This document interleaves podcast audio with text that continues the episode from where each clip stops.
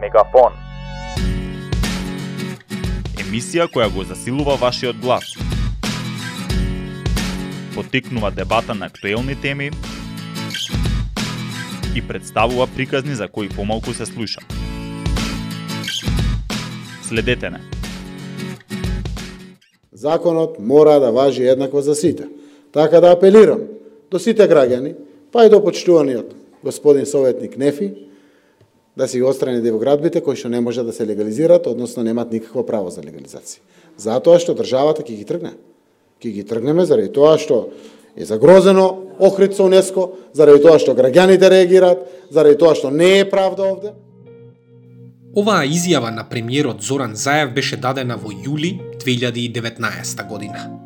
Скоро две години подоцна, дивоградбите останаа, а УНЕСКО Во меѓувреме до македонските власти достави досега најлоши забелешки за ситуацијата во која се наоѓа Охридскиот регион, заштитен како светско, природно и културно наследство. Во нацрт извештајот кој не беше јавно достапен, делот медиумите пренесува дека мисијата на УНЕСКО утврдила како последниве три години не само што не се одстранети слабостите и заканите по Охридскиот регион, туку се појавиле и нови – доведени сме во позиција каде што веќе не можат да се камуфлираат одредени работи, не можат да Состојбата со децении само оди на полоша, вели Владимир Трајановски, активистот Охрид СОС. Најавите за постапување по препораките на УНЕСКО и рушење на дивоградбите, според него се повеќе пиар, отколку реално справување со проблемот. Јасно е дека не многу нелегални објекти се целосно отстранети. Во одредени случаи Извршено е делумно уривање и веќе видовме како се тие акции реверзибилни, како што е примерот на улицата Марко Несторовски или малиот хотел после бетонската база на излезот од Охрид.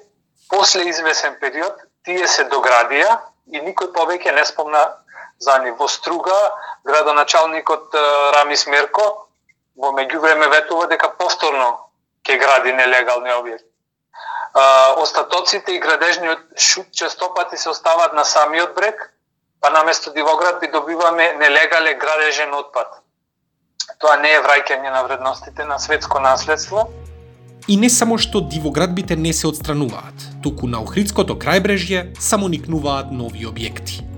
Последно нешто што ги вознемири граѓаните, но и експертите, се најавите дека на локацијата кај ресторанот Парк ќе никне нов хотел – институциите дигаат раце и по ова прашање. Се било според уставот и законите.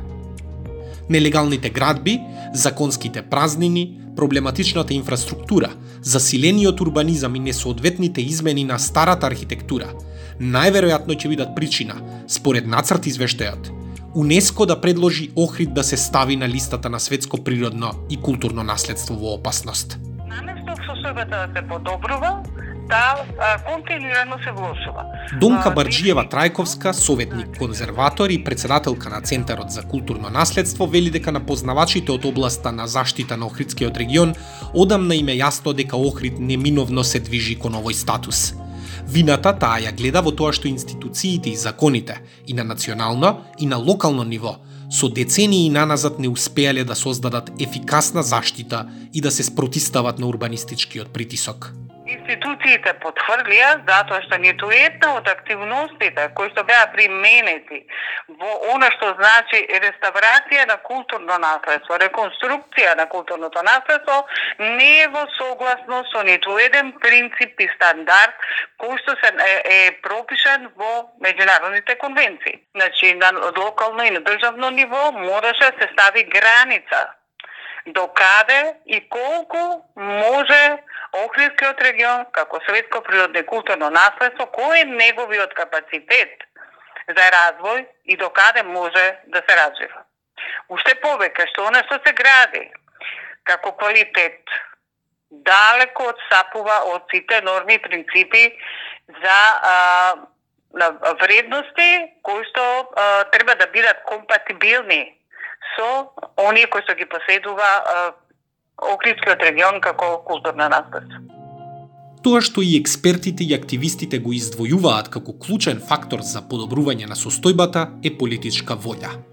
И иако декларативно, оваа волја ја има и за расфрлање, во пракса работите не се толку розови. Она што започна како пресметка со дивоградбите во Охридско-Струшкиот регион во 2020 година, нагло запре со завршување на парламентарните избори. Градоначалникот на Охрид, Константин Георгиевски, на една од последните пресконференции најави дека се чека тендер. Тендерската постапка за избор на фирма која што работи на отстранување дивоградбите е во тек и веднаш штом ќе заврши постапката ќе продолжи постапувањето односно имплементацијата на тој дел од препораките на УНЕСКО и постапување согласно законските прописи. Први ќе се отстрануваат плажите кои што се на катастарска парцела 1.1, затоа што во планот за управување со Охридското езеро во катастарска парцела 1.1 не е дозволено да има градби од траен или времен карактер. Заш? Ед, едно е, вредно е, наше е, светско е. Министерката за култура Ирена Стефоска прозборе и на Охридски, но не посочи кој е одговорен за ситуацијата во која се наоѓа Охридскиот регион. Она што го истакна е дека одговор на препораките на УНЕСКО може да има само ако Охрид биде ставен како национален стратешки приоритет. На ниту еден начин немам намера да амнестирам било која институција на локално или на централно ниво. Да се разбереме, има институции кои што си ја завршуваат работата. Но за жал има институции кои што не си ја завршуваат работата. Работиме интензивно на подигање како влада, како министерка за култура, со другите членови и министри, одговорни за заштитата на Охридскиот регион и со локалните самоуправи, да направиме добра меѓусебна координација, за да може подобро и поефикасно да ги исполниме обврските од страна на а, реактивната мониторинг мисија било од минатата година, било од пред неколку години. Според Барджиева Трајковска, проблемот со дивоградбите е директен одраз на тоа што институциите не постапуваат кога се кршат законите. Таа смета дека ситуацијата мора да се решава системски, надлежностите да се префрлат од локално на централно ниво, а предлага да се размисли обврската за заштита на Охридскиот регион да ја преземе Македонското собрание. Дел од нејзините предлози покрај целосна реформа во заштитата на културното наследство е и формирање независно експертско тело на ниво на влада, кој ќе утврди увид во целосната документација на институциите и ќе предложи законски измени. Ние немаме реална слика за тоа колку од оригиналните примероти се сочувани и каква е реалната состојба на терен за да може да се преземат конкретни активности.